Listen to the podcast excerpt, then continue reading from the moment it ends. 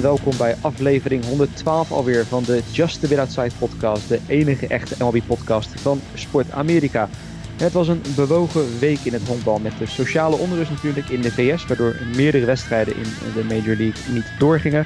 Maar er werd ook een stukje geschiedenis geschreven in Chicago. En de trade deadline, die komt eraan, want ook in dit verkorte seizoen is die er gewoon. Alleen is het ditmaal op 31 augustus. Dus de kans bestaat straks dat wij dingen zo gaan bespreken die hierna gaan gebeuren voordat je dit hoort. Maar dat is het risico wat we dan maar nemen. Dit alles ga ik, Justin Kevenaar, bespreken met Jasper Roos. Goedemiddag. Goedemiddag, ook Sander Grasman.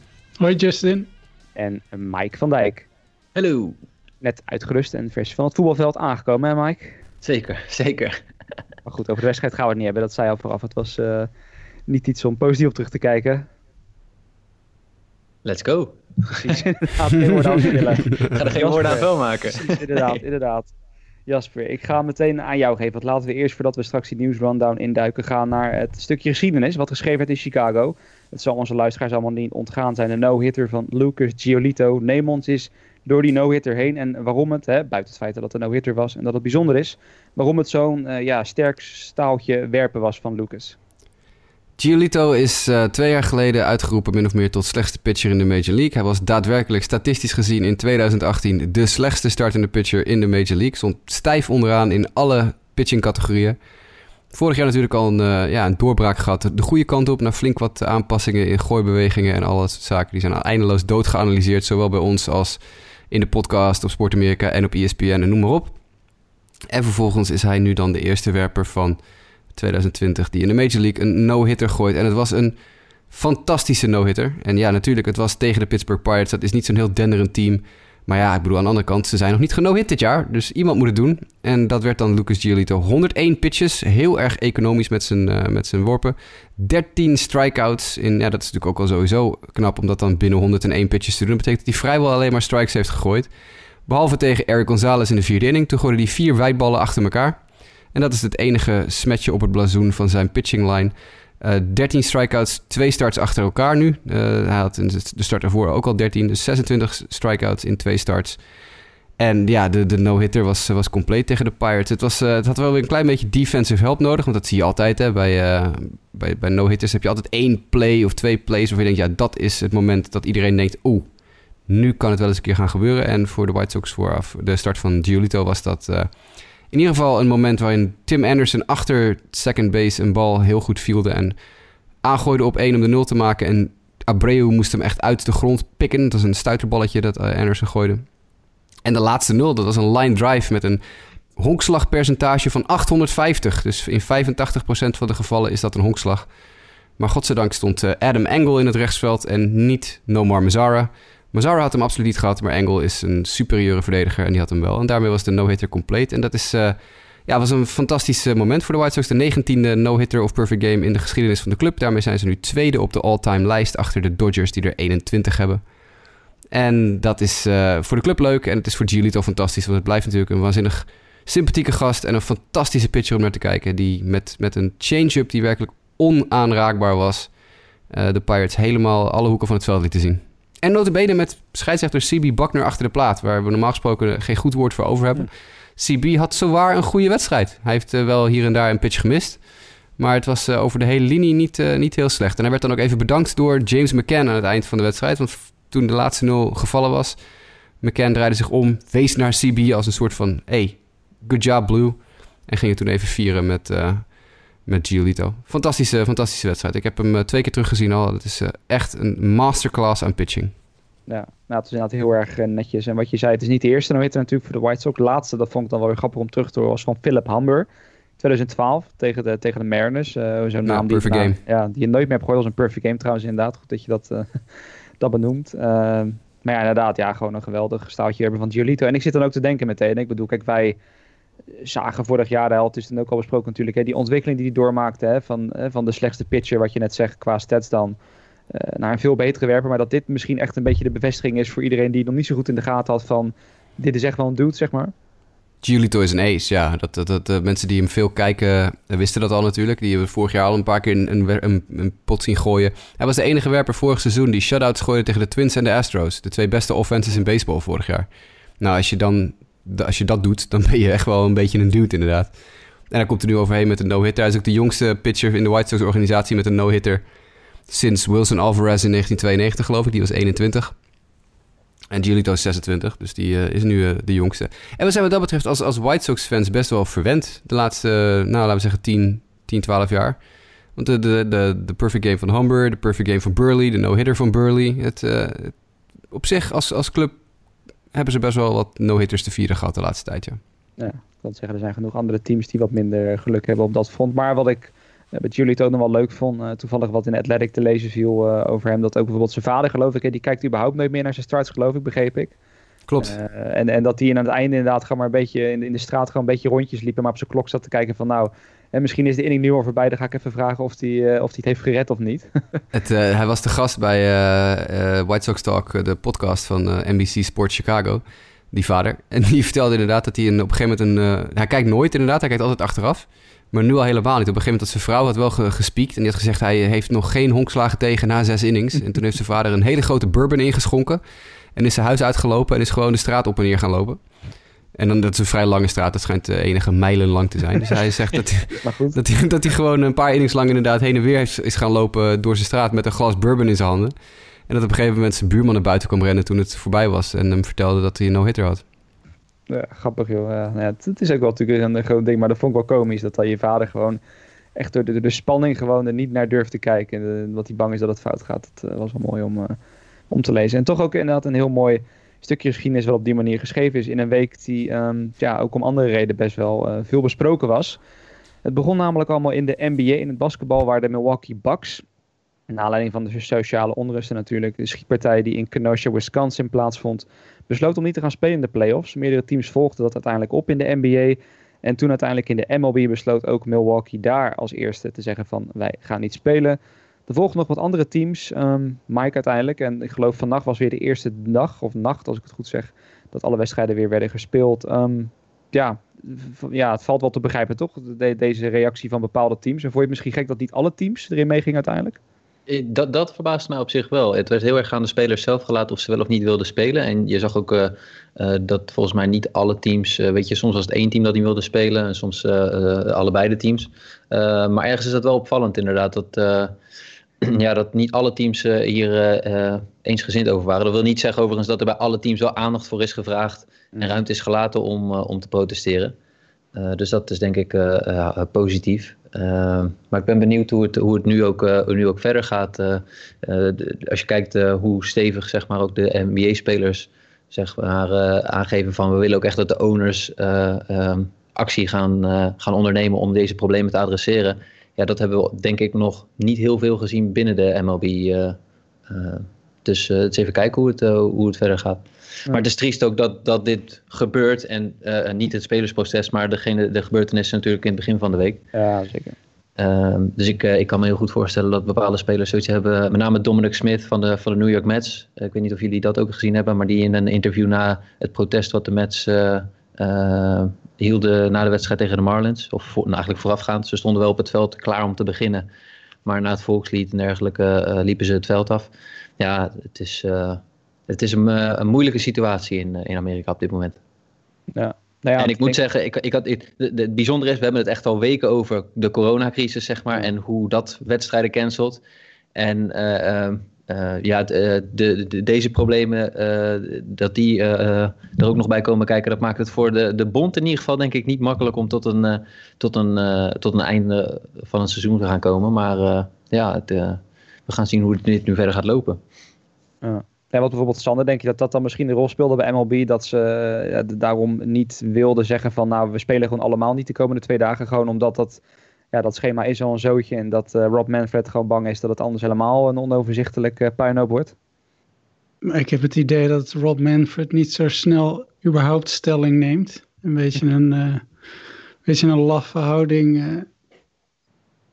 ja, kiest om, om zich vooral afzijdig te houden. En het zal waarschijnlijk wel meespelen, denk ik, dat speelschema. Dat is natuurlijk ook wel lastig, omdat het al zo, zo krap is. En het, het piept en kraakt sowieso al. Uh, bij sommige teams natuurlijk helemaal. Daar hebben we het vorige week ook over gehad. Maar het is sowieso, ze zijn hier altijd, vind ik, erg slapjes mee en uh, nemen geen stelling. En ik, ja, ik denk dat het meespeelt, maar ik, ik ben bang dat het meer is dat het een beetje, ja, wat ik dan zou lafheid noemen. En ik vind dat ze het uh, erg weinig ja, stelling nemen en uh, zich uitspreken erover en het heel erg aan spelers laten. En ja, die zie je dat die het wel op, oppakken. Ik had inderdaad ook uh, Dominic Smith gezien, maar ook uh, Mookie Betts heeft, ja, die heeft ook heel duidelijk stelling genomen, heeft aangegeven ik speel niet. En die heeft heel veel steun gekregen vanuit zijn team. Uh, meer steun dan zijn oud-teamgenoot uh, Jackie Bradley Jr. helaas uh, in Boston kreeg. Die als enige knielde bij het volkslied. maar Boston heeft de dag erna, volgens mij was het, of twee dagen daarna, ook niet ervoor gekozen om niet te spelen. Dus uiteindelijk hebben ze die, die zich ook achter de acties geplaatst. Maar ja, nee, ik denk dat MLB vooral heel weinig stelling neemt überhaupt. Wat ik jammer vind. Nou ja, het leidde overigens bij de Mets. wie, wie anders ook nog tot een beetje commotie. Het zullen de New York Mets wel uh, weer eens niet zijn. Dat in een, uh, ja, een, uitgezonde Zoom persconferentie, die eigenlijk helemaal niet online had mogen staan, voor zover ik begreep, met Brody van Wagner, de GM. Die in eerste instantie zei dat uh, Manfred er niks van begreep, omdat hij naar zijn zeggen zou hebben voorgesteld om dat de Mets en de Marlins wel het veld op zouden komen, dan weg zouden gaan en dan een uur later alsnog zouden spelen. Uh, later zou hij toch een misverstand gooien en zou het ook blijken, uh, als je de berichten moet geloven, dat het juist van Joe Vulpan kwam, de eigenaar, die met Manfred uiteindelijk dat voorstel had uh, gedaan en dat hij had gezegd van ja, de spelers hebben gestemd en ze willen niet spelen. Zoals wat dat betreft weer een, een zootje dat dat naar buiten kwam bij de Mets. Maar ja, ik, ik, moet zeggen, het is natuurlijk, ik vond het zo heel erg overzichtelijk inderdaad, omdat de MLB dus wat je net zegt, een beetje lafjes, geen, niet, niet als league zeg maar soort solidariteit liet zien van oké, we spelen gewoon allemaal niet, maar dat het inderdaad team zelf. En dan las je weer op Twitter dat ene team en dat de Mariners waren ook heel snel bij, uh, meen ik. Uh, die, niet wilden spelen. Dan weer dat team dat ook niet, niet wilde spelen. Dat het echt heel onoverzichtelijk was. En dat het misschien toen een paar teams het eenmaal hadden gezegd van we spelen niet. Dat MLB toen had moeten zeggen van oké, nu uh, weet je, spelen gewoon allemaal niet. We zijn solidair met elkaar. En over twee dagen dan hervatten we het seizoen weer. Maar ja, dat zal dus wel met dat schema te maken hebben waarschijnlijk. Dat het lastig is. En het pijnlijk is dan ook nog, en dat, ja, dat heeft deels wel een honkbaloverlap natuurlijk, is dat het was Jackie Robinson Day natuurlijk. 28 augustus was het dit keer. En dat uitgerekend uh, de man die hem natuurlijk uh, gespeeld heeft in de film, 42, Chadwick Boseman, uh, dat uitgerekend die acteur dit weekend kwam te overlijden. leed al lang aan gevolgen van darmkanker. Al vijf jaar, dat verbaasde me trouwens, dat hij al vijf jaar tegen de ziekte streed. En ondertussen gewoon in allerlei films speelde. Uh, maar die kwam dit weekend te overlijden. En uh, ja, het, is sowieso ook wel. Het heeft ook wel iets treurigs verder. Dus terugkomend naar die Jackie Robinson Day, uh, Jasper. En dan geef ik wel slot nog even aan jou. Dat het juist dan, dan gebeurt, zeg maar. Juist als die awareness er moet komen, dat dan Amerika weer in lichte laaien staat. om dit soort sociale onrust. Ja, en dan komen we nog bij dat IMDB tot en met vannacht de verkeerde geboortedatum van Boosman op zijn uh, profiel had oh staan. Oh Daar stond dat hij in 1977 geboren was, november 77. Dat zou betekenen dat hij op dit moment 42 zou zijn geweest, 42. Ja. Op het moment dat hij zou overlijden zijn. Maar het uh, blijkt inderdaad 76 te zijn. IMDb heeft het inmiddels aangepast. Dus hij was 43 en niet 42. Maar inderdaad, het is heel, uh, heel, ja, heel treurig natuurlijk sowieso. Geweldige acteur, geweldige films gespeeld. En ook de man, denk ik, de man die, die Jackie Robinson heeft kunnen vormgeven op deze manier. Ja, ja ik denk dat er, eh, er zijn wat iconische rollen geweest. Als ja, Babe Ruth, Mickey Mantle, Roger Maris. Die zijn natuurlijk ook in, in films uh, neergezet. Maar ik denk dat dit hij toch wel de, de meest iconische honkbalrol is die er geweest is. En uh, ja, heel goed neergezet door Chadwick Boseman. Die zelf ook persoonlijk buiten de films om altijd, vind ik, een goede rol gespeeld heeft. En uh, ja, mooi, mooi figuur. Ja, ja, nou goed, laat dus inderdaad ook voor al onze volgers en luisteraars, ik zou zeggen, mocht je hem nog niet gezien hebben, wat ik me bijna niet kan voorstellen als, eh, als honkbalfan als luistert, is het een goed moment om denk te kijken of om natuurlijk weer opnieuw te kijken natuurlijk. Ik weet toevallig dat mijn vader dat zelf bijvoorbeeld, die zei van nou, ik ga hem dit weekend weer eens, weer eens opzetten dan. Het is denk ik een goed moment om die film nog eens te kijken. Ook als soort eerbetoon eventueel aan Chadwick Boseman. Dan gaan we door naar het echte honkbal nieuws. Naar de trade deadline die er dus 31 augustus aankomt. Dit is dus op het moment dat we dit opnemen over zijn anderhalve dag. Dus er gaan ongetwijfeld nog dingen gebeuren die we gaan bespreken. Maar we gaan eerst dan even door de deals heen. die al wel zijn gebeurd. Um, Mike, en dan geef ik hem eerst aan jou. Want het is toch een jongen nou, die ook even bij de Diamondbacks heeft gezeten. T1 Walker. Die alweer weggaat bij de Mariners. Hè? Het, was een, uh, het was een korte terugkeer voor hem daar. Het was een hele korte terugkeer. Hij is natuurlijk, uh, heeft de laatste jaren wel te kampen gehad met uh, blessures. had getekend bij de Mariners. Terug bij de club waar hij zeg maar, ook was door, doorgebroken. En nou ja, er is op de markt op dit moment veel vraag naar starting pitching. En ja, de Toronto Blue Jays hadden wel, wel interesse. Dus die, die waren slagvaardig en die hebben hem naar, naar Toronto gehaald voor een player to be named later. dat zal na het, bekend, na het seizoen bekend worden welke speler dat, dat is. Maar uh, ja, de Blue Jays konden wel uh, wat hulp uh, gebruiken. Dus die hebben daar een, denk ik een, een redelijke pitcher aan.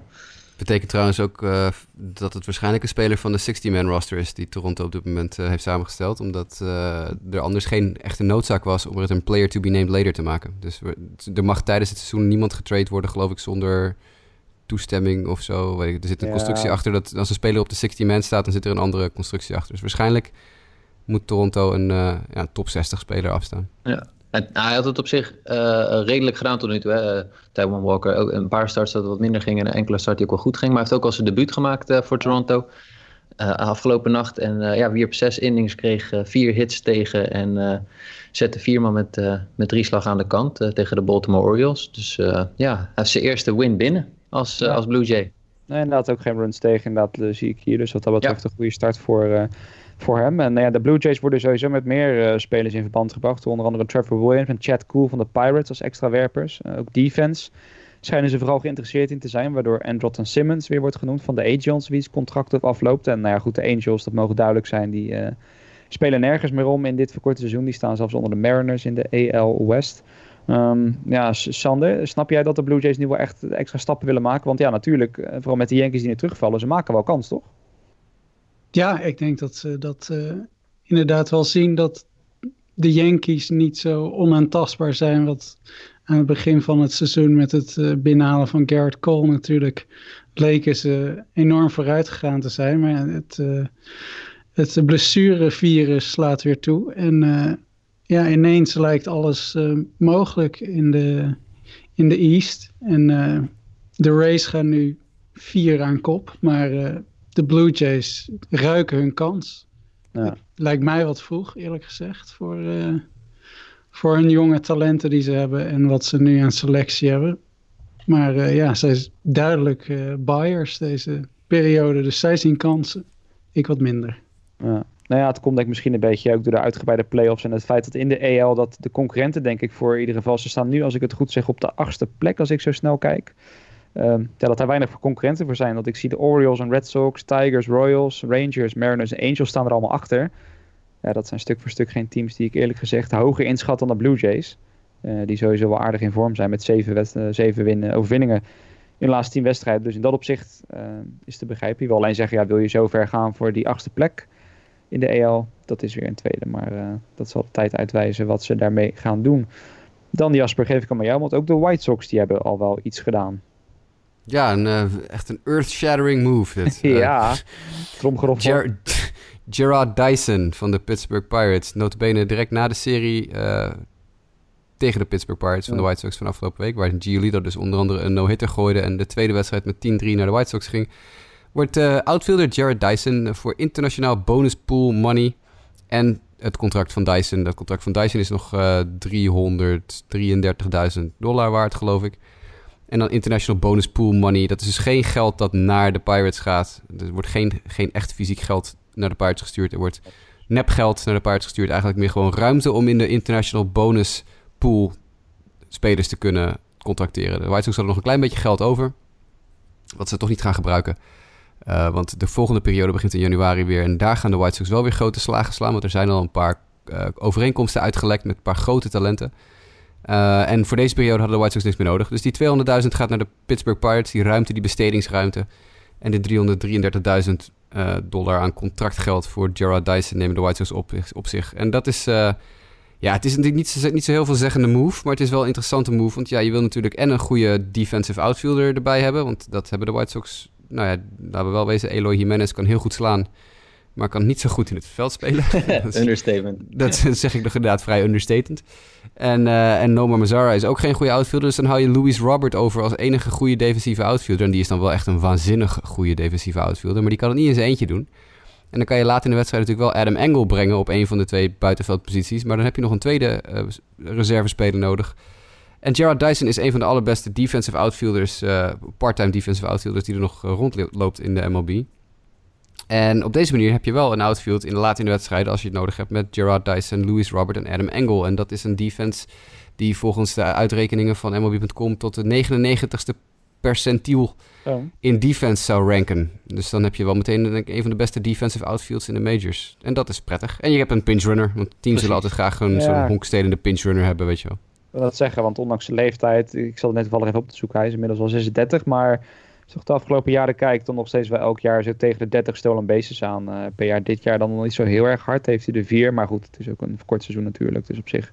Maar met de nieuwe regel van die extra innings heb je aan hem al nuttig, nuttig oplopen. Juist. Dat ook. Ja. Je ziet heel veel teams uh, echt wel uh, pinchrunners inbrengen op het moment dat het uh, ertoe doet. Ja. ja, dus nogmaals, het is niet zo heel erg dat je denkt van het is niet gewoon een high-profile move, maar ik vind het wel een hele slimme move. Want ze hadden echt, echt de outfield defense nodig en een pinch runner kan nooit kwaad. Ik bedoel, Adam Engel kan ook vreselijk hard lopen, maar als je die al voor iets anders hebt gebruikt, dan heb je toch wel een tweede pinch runner nodig.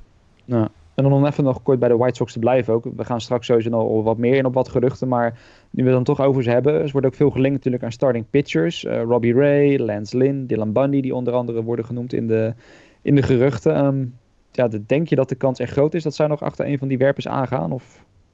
Nou, het is meestal bij de White Sox zo, de namen die uitlekken, dat betekent meestal dat er een naam uit de hoge hoed komt die niemand genoemd heeft. Dat is al jaren de, de, de, modus operandi bij de White Sox, die heel erg notoriously tight-lipped zijn. Uh, en meestal als er namen uitlekken, dan worden die namen gedropt om mensen op een dwaalspoor te brengen. Dus als je ziet de, de pakketten, de prijzen die genoemd worden voor spelers als Lance Lynn en Dylan Bundy, dat gaat natuurlijk nooit gebeuren. Er was Phil Rogers van Forbes, die had van de week ook weer echt een achterlijk stuk geschreven.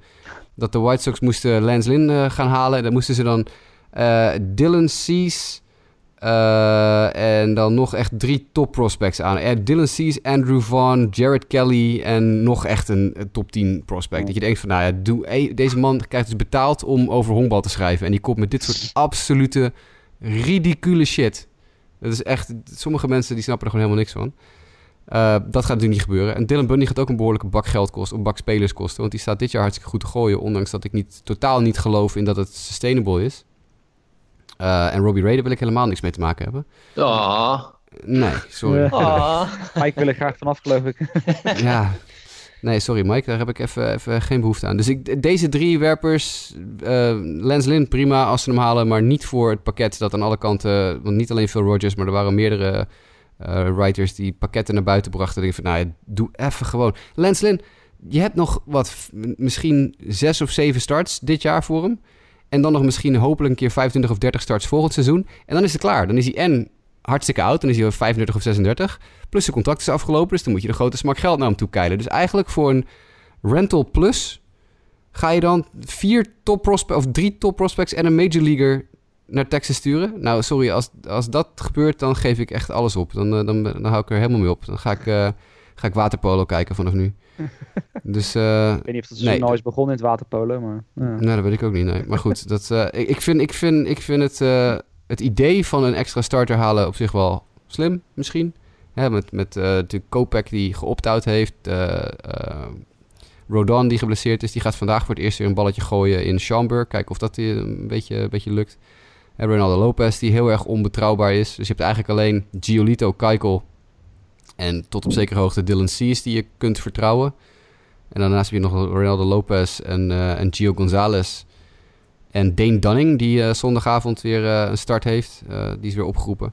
En ik denk stiekem, als Dane Dunning een heel goede wedstrijd gooit vandaag... dan gaan de White Sox geen pitcher meer halen. In ieder geval geen ster pitcher. Dan blijft Dane Dunning gewoon in de Major League rotation.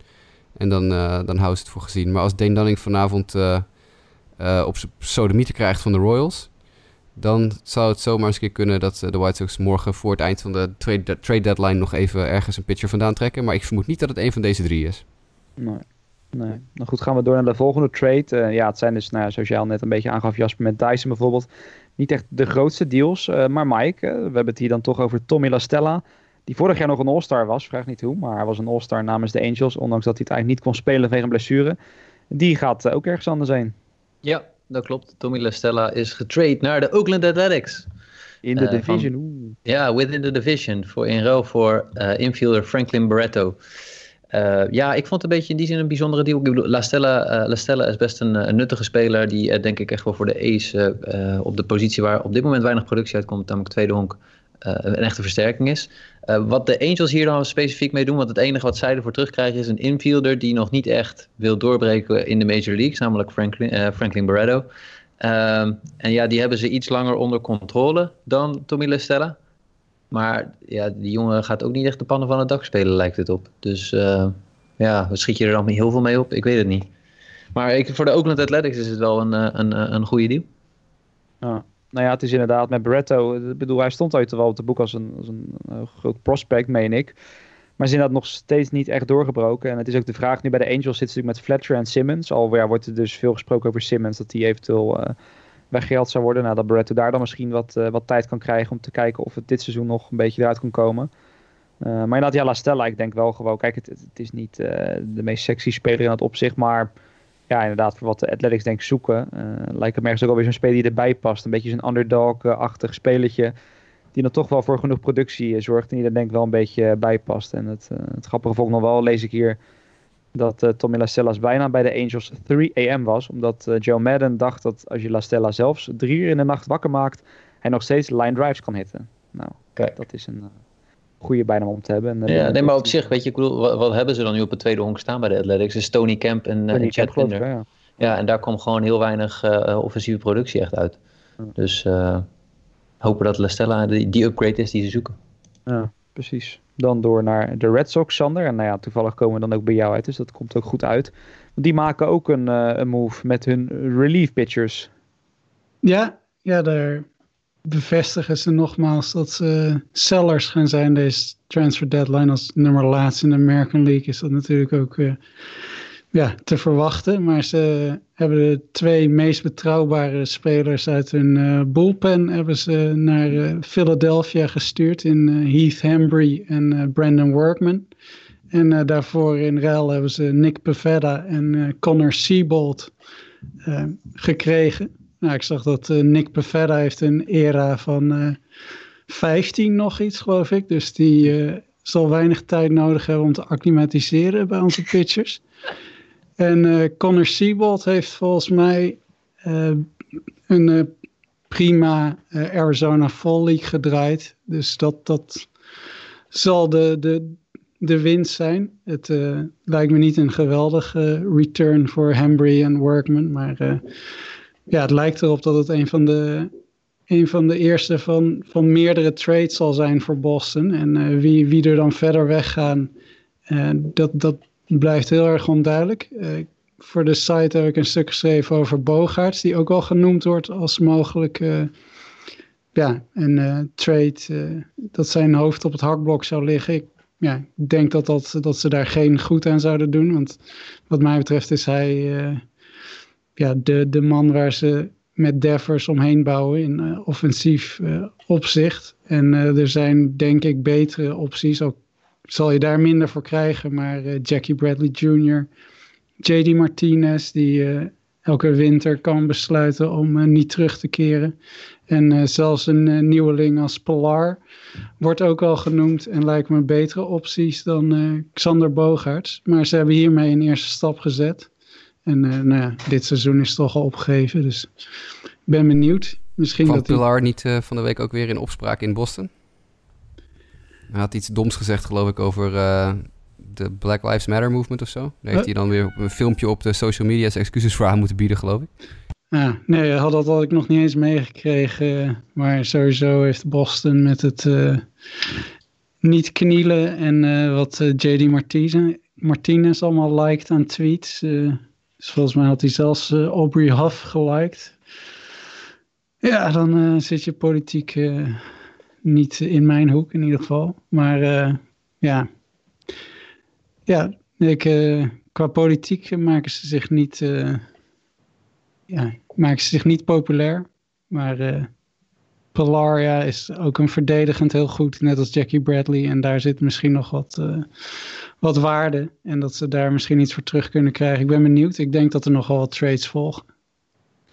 Ja, nou ja, met Kevin Pillar, ik, ik zit het nu trouwens inderdaad op te zoeken dat het inderdaad was. Nou ja, ze deden het ook hè, vooral ook om Jackie Bradley Jr.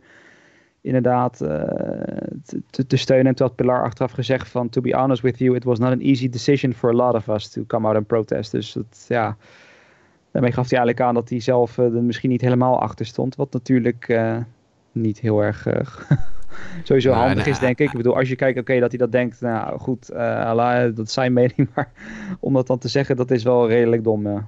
Hij had ook nog iets gezegd van uh, dat hij niet zo goed begreep dat uh, Jackie Robinson iedere keer als enige persoon geëerd werd. Hij zegt dat is een beetje waar onze samenleving heen gaat. Dat er één groep telkens meer geëerd moet worden of meer over nagedacht moet worden dan de rest. En dan denk, oh, ja, denk ik, ja, bro, dan, dan snap je misschien niet helemaal hoe de vork in de steel zit, zeg maar. Nou, ik, kan misschien binnenkort eens een keer weer op de Aubrey Huff podcast uh, kan die gaat. Het, uh... Zo, hé, die gast is ook echt kluts kwijt, man. Dat wisten we al, maar fuck. Precies, laten we daar weer verder geen, uh, geen tijd aan, aan, aan, verspillen. Maar met die trade, ja, wat ik nog even wilde toevoegen, misschien nog kort vanuit Phillies perspectief. nou ja, we hebben natuurlijk onze geliefde Jimmy Driessen.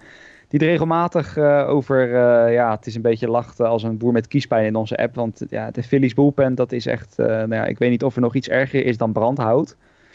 Maar dat is dan zeg maar de Phillies bullpen. Het is echt om te janken. En uh, ik zag in ieder geval, Workman had vannacht ook al zijn eerste save. Dus in ieder geval hebben ze nu al iets van een positieve impact op, uh, op hun bullpen. En dat kunnen ze wel echt gebruiken. Willen ze nog echt iets van dit seizoen kunnen maken. Want ook tot nu toe ja, komt er nog steeds niet helemaal uit wat ze denk ik uh, ervan willen. Maar ja, met die betere bullpen gaat het allicht beter worden dan de ene laatste trade die we nog gaan behandelen, Jasper. En dat is Brad Phillips, een jongen die vroeger uh, best wel vaak bij grote trades betrokken was als groot talent.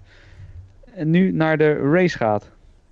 Ja, Brad Phillips, die kennen we misschien nog wel. Mensen die al lang uh, honkbal uh, kennen. Die, hij zat onder andere in de Josh Hader, Mike Fires, Carlos Gomez trade van de Astros en de Brewers van een paar jaar geleden. Ja. Toen was hij nog een top 50 prospect. werd gezien als een potentiële five-tool superstar. Maar het is helaas nooit wat geworden. Hij heeft wat moeite met contact maken met, met de bal. En uh, ja, is eigenlijk niet meer een, uh, uh, de offensieve power force die die altijd, mensen altijd dachten dat hij zou kunnen worden. Hij is nog steeds een supergoeie verdediger ook, absoluut. kan, kan heel hard gooien ook, dus dat is als outfielder ook altijd wel prettig. Maar nee, het, is niet meer de ster van vroeger. Maar hij is geruild voor Lucius Fox, de Bahamian, de speler van de Bahama's. Een prospect van de race.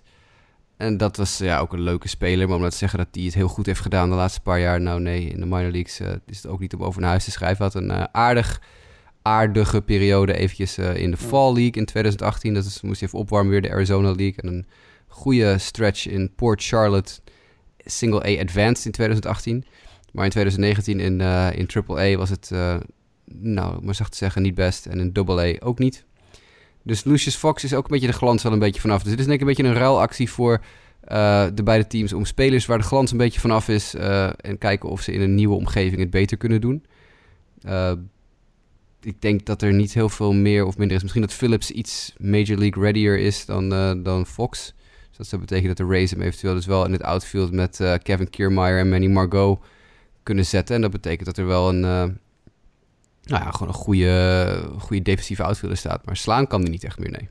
Nee, precies. Maar ik vind het ook alweer wat dat betreft een typische race move. Hè, waar dan dat soort spelers toch op een of andere manier weer het, toch boven zichzelf uit weten te stijgen. Is de vraag of inderdaad Philips dat aanvallend dan wel weet te doen. Want aan de andere kant zou je kunnen zeggen, dan had dit er toch wel al uit moeten komen. Uh, maar goed, de race staan erom bekend. Hè? Er zijn al meer spelers die daar uiteindelijk uh, zichzelf... Nou, dat, is het ook wel een beetje. En daarbij komt hij 26. Hè? Normaal gesproken gaan we altijd uit van de laatste paar jaar... zijn het natuurlijk de ene superjonge superster naar de andere komt tevoorschijn rollen. Ik bedoel gewoon Soto op zijn 20ste en, uh, en Elo Jimenez op zijn 22ste... en Louis Robert op zijn 22ste, noem ze maar op. Tatis is 21. aan de andere kant werd tot vijf jaar geleden of zo... gingen mensen ervan uit dat er op je 27ste ben je op je op je piek. Als er op je 27e echt nog niet uitgekomen is, dan wordt het moeilijk om het nog voor elkaar te krijgen in de Major League. Nou ja, deze gast is nog geen 27, misschien is hij gewoon een laadbloeier. Ja goed, en wat betreft de Royals, dat was dan niet het enige wat zij deden. Um, ze stuurden namelijk ook reliever Trevor Rosenthal naar de San Diego Padres. De Padres die daarmee een uh, reliever binnenhalen in Rosenthal. En uh, de Royals krijgen daarvoor outfielder Edward Olivares. Um, niet een hele grote deal, maar goed, wat ik zei, de Padres krijgen daar een reliever voor terug. Die denk ik wel van waarde kan zijn. Ook al is Rosenthal niet meer de speler die er voorheen was, maar voilà, het is een uh, nuttige reliever, denk ik zo. Nou, de Royals hebben er best wel een leuke speler voor teruggekregen hoor. Die Edward Olivares. Ja, ik denk voor, als je, ja, is wel een aardige speler. Niet, uh, geen super, superster, maar het is echt okay. wel... De, de, ik bedoel, als ik moet kiezen tussen Trevor Rosenthal of Edward Olivares, doen we dan maar Olivares. Oké. Okay. Nou ja, kijk, weer wat geleerd hè. Mooi, dan gaan we door naar de, naar de geruchten. De rumors hebben er net al een paar besproken. Uh, vooral de werpers zoals Lance Lynn, Dylan Bundy, Robbie Ray, die, die, die veel worden genoemd. Uh, de Brace bijvoorbeeld, die wordt met Joe Musgrove, een werper, in verband worden gebracht. Uh, maak anders wel even een rondje. Um, Jasper, dan geef ik wel eerst aan jou. Wat is nou echt een gerucht of iets, of een ploeg waarvan je echt verwacht dat zij nog iets gaan doen? Of dat zij een bepaalde positie echt versterking gaan halen? Het wordt interessant om te kijken wat de Yankees gaan doen. Want die zitten natuurlijk in een absolute tailspin. Het gaat helemaal nergens over op dit moment in New York. Spelen als een stelletje natte kranten. Uh, net weer één wedstrijd gewonnen, maar daarvoor geloof ik zeven op rij verloren. Uh, zijn behoorlijk bezig de divisie te verspelen aan Tampa Bay. Dus het zou kunnen zijn dat misschien de Yankees nog wel iets uit hun hoge hoed trekken vlak voor het verstrijken van de deadline en nog ergens een move maken. Die hebben natuurlijk wat outfielders die ze op zich, waar ze al wat gedonder hebben gehad. Hoe heet die? Clint Frazier onder andere. Ja. Die zouden ze nog kunnen dangelen en dan kunnen traden voor iets. Maar ja, wat wil je nou hebben als je de Yankees bent? Ik weet het ook niet precies. Robbie Ray. Maar, op, nee. Ja. nee, maar goed, er zit natuurlijk met blessures. Dus je zou verwachten dat de Yankees misschien nog wel iets gaan doen. Want met dit team gaan die... Ze gaan de playoffs wel halen, want ze zitten in een divisie die er verder niet zo heel veel van kan. En er zijn natuurlijk heel veel teams die, uh, uh, die de playoffs gaan halen. Maar dit is geen team dat ook maar heel ver gaat komen in de playoffs. Dus als de Yankees plannen hebben in de playoffs, moeten ze nog even wat doen. Ja.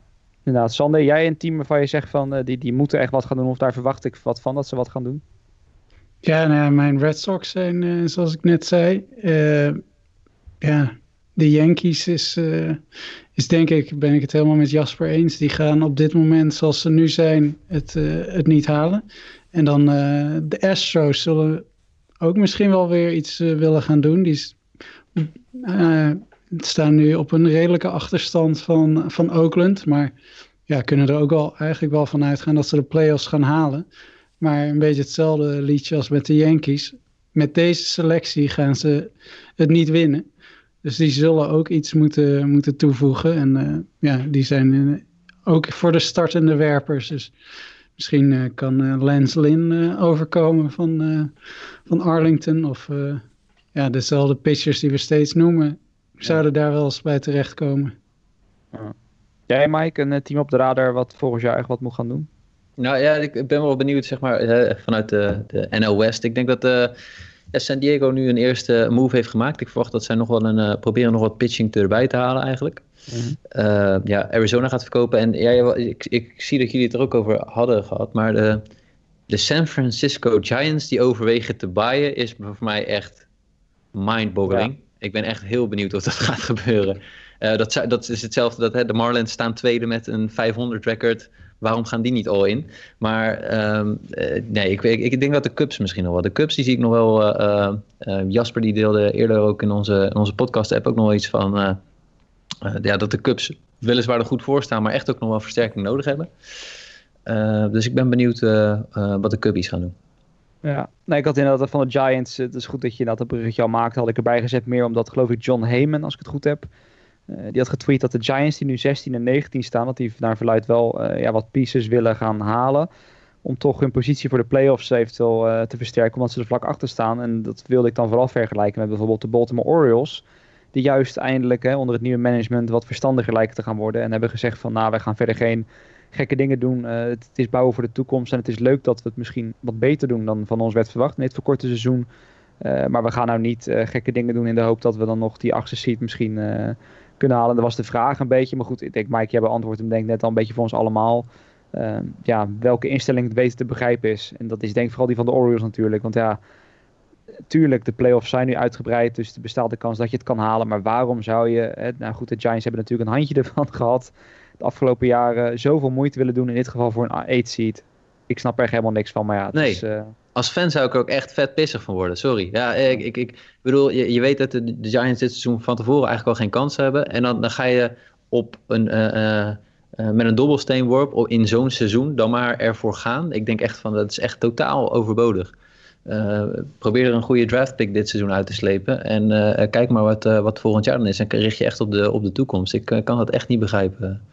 Het is gewoon een beetje de waan van de dag. Dan, want ik zie ze hebben zeven overwinningen in de laatste tien wedstrijden. Dus dat, dan, oh, dat ze dan ineens denken van we zijn goed bezig de laatste tijd. En we kunnen zomaar run gaan maken. Maar ik denk niet dat met, ondanks dat Donovan Solano, hè, Donny Betts het nog steeds heel goed doet. Of Donny Barrels. Uh, ik denk niet dat hij ze naar een World Series titel gaat, uh, gaat leiden. Sorry Giants fans. Dat uh, gaat hem, gaat hem niet worden. Nee. Ain't gonna happen. Dan gaan we door. tot slot naar nog wat blessure nieuws. En we hebben sommige dingen net ook wel een beetje tussendoor behandeld. Um, Mike, ja, jij bent normaal onze blessureman. Uh, dus begin je anders maar en dan kunnen wij denk ik tussendoor aanvullen wat er allemaal nog meer uh, over te bespreken valt. Uh, ja, nou om te beginnen, er zijn een, bij de race nog wel wat, wat problemen in met de pitching. In ieder geval, Johnny Chirinos die is eerder natuurlijk al uitgevallen en die heeft begin van deze week zijn operatie gehad voor de Tommy John surgery. Dus die zit erop, die gaan we dit seizoen niet meer in actie zien. Jalen Beeks heeft hetzelfde van de race. En um, Brandon McKay is geopereerd aan zijn schouder. En Chaz Rowe is ook klaar voor dit seizoen. Um, ja, en dan heb je ook nog Charlie Morton. En die heeft ook al twee weken, mist hij uh, van, het, uh, van het de afgelopen twee weken door een, uh, een ontsteking in zijn schouder. Dus het, het, is wel bijzonder zeg maar, hoe het nu gaat met de pitching bij de race. Desalniettemin, aan de prestaties zit het nog niet af te zien. Nee. Ze, gaan, ze gaan nog steeds goed. En ik had ook Zian Fleming een paar keer zien gooien afgelopen week. Zag er ook, uh, een Fleming? Dat is een voetballer? ja, zeg, het is denk ik identiteitsverwisseling. is een Fleming inderdaad. Ja, ik weet even er is een Fleming. Er is een Fleming, ja, dat wel. Ik weet, er is ook eentje inderdaad bij, bij, bij, bij Zwolle en die moet ja, precies, ja. Ja. Misschien is het Ian. Ik moet even kijken. Ik ga even driftig zoeken. Hij staat er vannacht geloof ik. Even kijken. Ja, hij heeft afgelopen nacht gegooid. Oh. Fleming. De pagina Josh Fleming heet hij. Josh. Josh Fleming. Ah. Ian is inderdaad de voetballer, ja. Maar Josh Fleming inderdaad, ja. Maar die had weer een goede start. 1,74 ERA, ja. Kijk, ja. Uh, maar het is wel bijzonder dat er zoveel blessures zijn bij de pitchers van de, van de race, toch? Ja, dat zeker. Het is echt, uh, want ik geloof toevallig, uh, toen ik deze outline zat op te maken, er stonden nog een paar namen tussen, zoals Alvarado bijvoorbeeld, die ook geblesseerd is. Het zijn er wel meer, maar dan werd het wel heel erg lang rijtje. Maar het is echt het dweilen met de kraan open daar. En toch, dat is ook wel een beetje de race, weet ook weer wat te vinden. Het is ongelooflijk wat dat betreft. Ja, we het vorige week uh, hebben Sander en Jasper het ook gehad over de Yankees, waar zeg maar de fitness trainer uh, toch ook wel een keertje tegen het licht moet worden gehouden met de blessures van, uh, van Aaron Judge en Stanton en dergelijke. Mm. maar bij de race valt me dit wel op, dat er nu best wel veel pitchers, en vorig jaar ook al volgens mij Anthony Benda, die toen ook Tommy John had. De, de, het is niet, het is een terugkerend probleem. Klopt, ja. Klopt, ja. Moet ik doorgaan? Dan ga ik door. Ja, ga je maar uh, je bent lekker bezig. Nou, Steven Strasburg had een aantal uh, uh, starts gemist de afgelopen weken. En dit had te maken met een zenuwbeknelling. Daar is hij nu aan geopereerd. Het betekent echter wel dat ook Steven Strasburg niet meer terug gaan zien dit seizoen.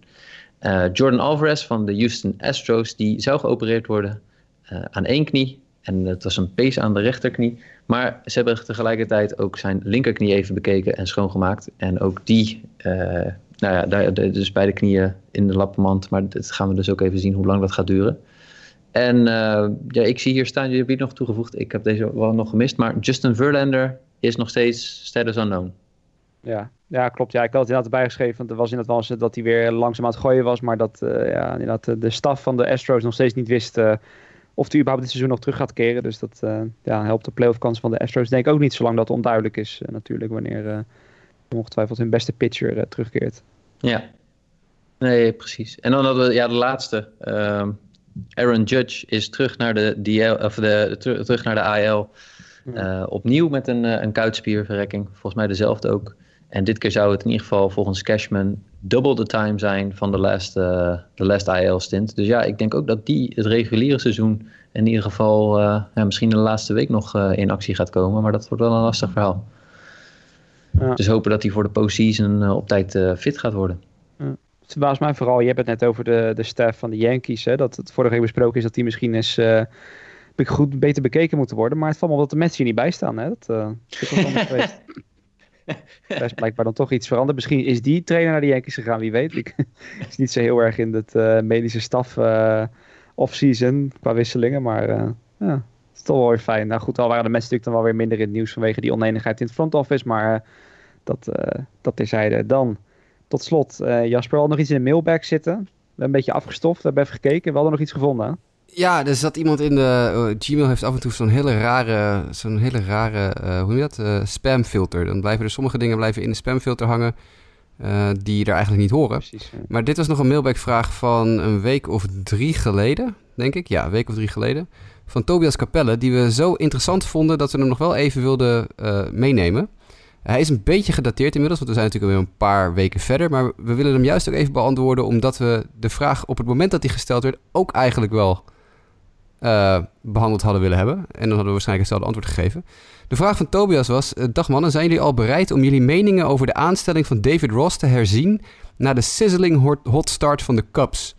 Alleen het afblazen van het seizoen lijkt een nieuwe titel te kunnen voorkomen. Nou, ik, ik kan eerlijk zeggen, Tobias, we waarderen je vraag enorm, maar we hebben hard gelachen om de laatste zin. Alleen het afblazen van het seizoen lijkt een nieuwe titel te kunnen voorkomen. Deze, deze mail kwam op 6 augustus binnen. Toen was het seizoen hoe lang bezig? Twee weken? Ja. Zoiets. Nou, ik vind het toch wel heel voorbarig om te zeggen dat na twee weken alleen het afblazen van het seizoen een nieuwe titel kan voorkomen. Als je ook nog in dezelfde league zit als de LA Dodgers, die toch echt nog wel even twee klasses beter zijn dan de Cubs. En toen ook al twee klasses beter waren dan de Cubs. En ja, voor de rest, ja, de, we willen onze mening over David Ross best herzien, maar niet na twee weken. dat hadden we waarschijnlijk toen ook gezegd. Want we zijn nu uh, weer drie weken verder dan dat. We zijn nu vijf weken of zes weken in het seizoen bezig. En uh, het gaat uh, beduidend minder met de Cubs. Ja. De eerste weken speelden ze wel heel goed. Ook vooral defensief. Echt heel goed. Het defensief ja, nee, zag het er echt solide uit. Maar goed, dat is dan misschien de nadruk van David Ross in het begin. Uh, je, je, hebt inderdaad een langer tijdframe nodig om, uh, om goed te kunnen beoordelen op uh, hoe hij als manager acteert. Ik denk ook niet dat er twijfel is dat de Cubs de playoffs gaan halen. Ik denk dat dat, dat echt wel gaat gebeuren. Ja. Alleen ik denk niet dat je kan zeggen dat het afblazen van het seizoen het enige is om een nieuwe titel voor de Cubs te kunnen voorkomen. Want dat, alleen in de National League zit er al één team dat sowieso beter is. één of twee teams die minstens net zo goed zijn. Maar het optimisme valt de prijs. ja, dat, ik ben ook wel eens eh, heel erg optimistisch over mijn team. Maar ja, goed, je kan het, na twee weken kan je natuurlijk niet zeggen dat een ploeg uitgeschakeld is voor de playoffs. Ik bedoel, als je de eerste twee weken van, weet ik veel, uh, de pak een willekeurig team. Boston. Boston pakt. Ja, nou precies, Boston. Dan eh, kijk je ook heel anders er tegenaan dan nu. Weet je? Of, of je pakt de Padres, die ook niet zo sterk aan het seizoen begonnen, maar inmiddels echt een paar weken achter elkaar hebben die, dat ze zo wit heet zijn. White Sox, hetzelfde verhaal. De eerste twee weken was niet om aan te zien. En nu zijn, ze, zijn er maar vier teams in baseball met een beter, beter record dan de White Sox. De Marlins, en de, Cup, eerste twee Cubs weken. Cubs staan daar niet bij. De Marlins eerste twee weken. Ja, ik bedoel, je gaat toch niet... We hebben altijd geroepen, nee, dat, dus dat gaat natuurlijk nooit volgehouden worden. Ze staan nog steeds tweede, hè? Dat wel. Ja, dat wel. Maar ze, het is, ik bedoel, niet zo goed als de, nee, dat is de eerste paar weken, weet je wel. Ik bedoel, het is... Het is uh, twee weken is wat dat betreft echt, echt te, te veel. De, de, Marlins zijn 1 en 7 thuis, trouwens. Even dat je het door hebt. Ze thuis... Ja, terwijl het stadion net zo leeg is als normaal, maar... Ja, precies. Maar ze dus, zijn ook 7 om 13, toch? Sinds uh, die 7 in 1 start. Dus, ja, precies. Dus dat is dus ook weer eenzelfde verhaal. Ik bedoel, we gaan niet... De eerste twee weken van het seizoen ga ik niet mijn mening bijstellen over managers of teams. Dat, daar heb ik echt iets meer tijd voor nodig. Ja, en bovendien en, hebben de Cubs ook maar een run differential van 4. En een expected win-loss van uh, is ook, zou ook bijgesteld worden naar 17 om 16 ja, ze doen het gewoon hartstikke goed in een divisie die wat tegenvalt. Maar de Dodgers, uh, die hebben een run differential van 85 en lijken me op zowat elk vlak de betere. Dus ja. Uh, ja. Dodgers hebben 150 procentpunten hoger uh, winstpercentage. We hebben het over. Ja, maar goed, en toch in die Central, kijk, we zeggen nu wel inderdaad de kans dat ze de playoffs halen, die, die acht ik ook wel inderdaad heel erg groot natuurlijk. Maar toch is die, blijft die divisie wel interessant. Want ik bedoel, uiteindelijk, hè, het is een korte seizoen, maar de Brewers en Cardinals allebei maar 3,5 erachter. Uh, de, de Reds... Ja, Cardinals kan je niet heel veel van zeggen. De Cardinals die hebben tegen wedstrijden minder nou gespeeld. Ja, precies. Mm. Maar dat kan dus wel vrij gek lopen. Als die heel veel van die, die gekke doubleheaders ineens gaan winnen, uh, kunnen zomaar gelijk staan. Hè. De Reds beginnen ook weer iets beter te spelen. Dus het blijft ook wel een tricky divisie. En ik denk het grootste euvel momenteel van de, van de Cubs in ieder geval. En wat denk ik ook wel geval mijn optimisme over een flinke impact is gewoon de bullpen natuurlijk. Want die staat in heel veel categorieën gewoon bij de slechtste vijf van de MLB sowieso in ERA, in WHIP, in walks. En Craig Kimbrell die heeft daar helaas als closer een heel erg groot aandeel in. Vannacht heeft hij weer een blown save achter zijn naam gekregen. Door Ach, uiteraard... fantasy team. Als je Craig Kimbrell hebt, dan heb ik met je te doen. Ja, zijn ERA is nu boven de 10. En vannacht, nou ja, die, dan gaf hij een walk-off wild pitch op. Dat uh, misschien wel denk ik het dieptepunt van de inmiddels 32-jarige Kimbrell. Dat, daar, daar moeten ze echt iets op gaan verzinnen. ik weet niet wat, maar dat kan gewoon echt een niet. trade. Ja, ja wat, wat ga je daarvoor terugkrijgen momenteel met, Ja. met deze gast? Ja, of het is zelf inderdaad traden voor een reliever, maar ja, precies. Ja. dus dat gaat... Het, boe- eh, het, het boeiende blijft in deze wel, zeg maar, iedereen is alleen maar eh, binnen de eigen regio aan het spelen. Hè? Dus, dus de Dodgers ook. Ik bedoel, die spelen dan wel af en toe tegen de Diamondbacks, de Giants, wat gewoon echt mindere teams zijn. En nog een aantal teams in de American League West, die gewoon echt wel matig zijn. Ik, ik, ik vind dat wel in die zin ook lastig inschatten, dat je dus moeilijk ziet van eh, hoe goed is een Atlanta nou ten opzichte van... eh, dus ik ben wel benieuwd eh, hoe dat eh, ja, straks als die playoffs gaan beginnen eruit gaat komen te zien. nou ja, dat Ja, ook, dan, eh, moet- dan moet je dat dus gewoon een beetje analyseren op basis van inderdaad de spelers die ze hebben. En dan is er bijvoorbeeld een analyse over de Cubs dat ze nul bullpen hebben, is een hele faire analyse. Want die bullpen van de Cubs, hoewel ze dan tegen teams als Pittsburgh en Cincinnati en, eh, en, en de Royals en de Tigers, Tigers, moeten ja. spelen. Eh, de boepen is de boepen. Weet Ja. je, dat, dat- die spelers die zijn, dat, we weten wat, wat je eraan hebt. En sterker nog, als je tegen dat soort spelers speelt, tegen teams speelt en, en je boepen presteert dan no- nog zo, dan heb je natuurlijk tegen betere teams een veel groter probleem.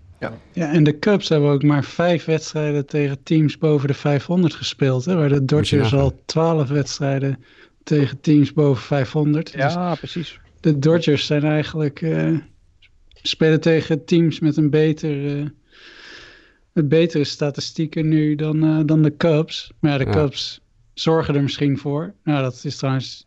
Die hebben 3 om 2 zijn ze tegen teams boven 500. Ja, die zorgen er misschien zelf voor dat Milwaukee, St. Louis en Cincinnati onder die 500 zitten. Maar het valt dus al mee hoe veel zwaarder hun programma is ten opzichte van dat van eh, de. Dodgers die tegen San Diego en ik denk ze zullen ook wel tegen Oakland hebben gespeeld. Natuurlijk ook gewoon twee uitstekende teams hebben waar ze tegen spelen.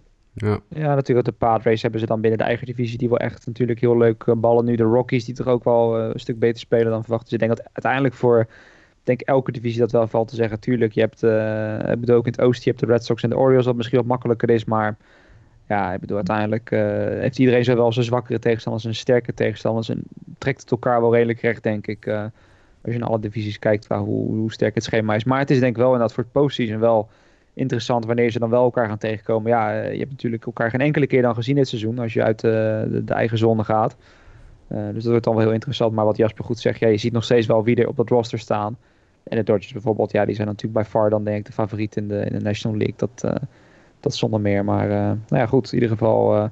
in ieder geval dat Tobias, Tobias was de naam toch?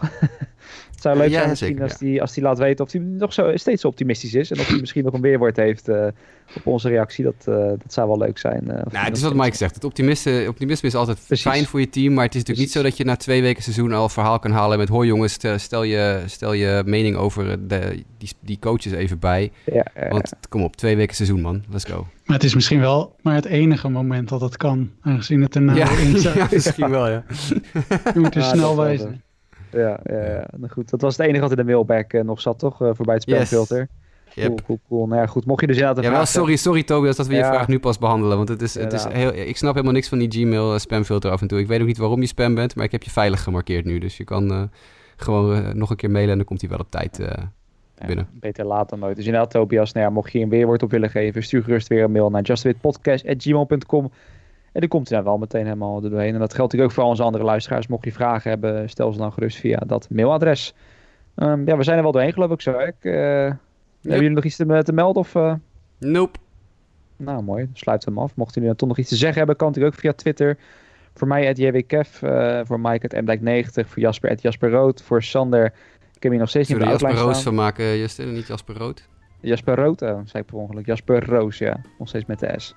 Ja. Eh, en Grasmans, eh, is het SD Grasman? Hè? Ik heb nog steeds Grasman Grasman SD. SD. Grasman SD. Ik zeg hem elke keer andersom. Je moet vaker met Sander eh, tweeten. Jongen, jongen, jongen. Ja, ja, ik zit er steeds veel minder vaak op Twitter. Ik denk dat het daar komt. Maar ik, zet- Ja. vanaf volgende week ga ik in de outline zetten. Dan gaat dat nooit meer, eh daarmee fout. Je kan natuurlijk ook nog steeds ons vinden via de website sportamerika.nl en ook gewoon @sportamerika op Facebook en zo.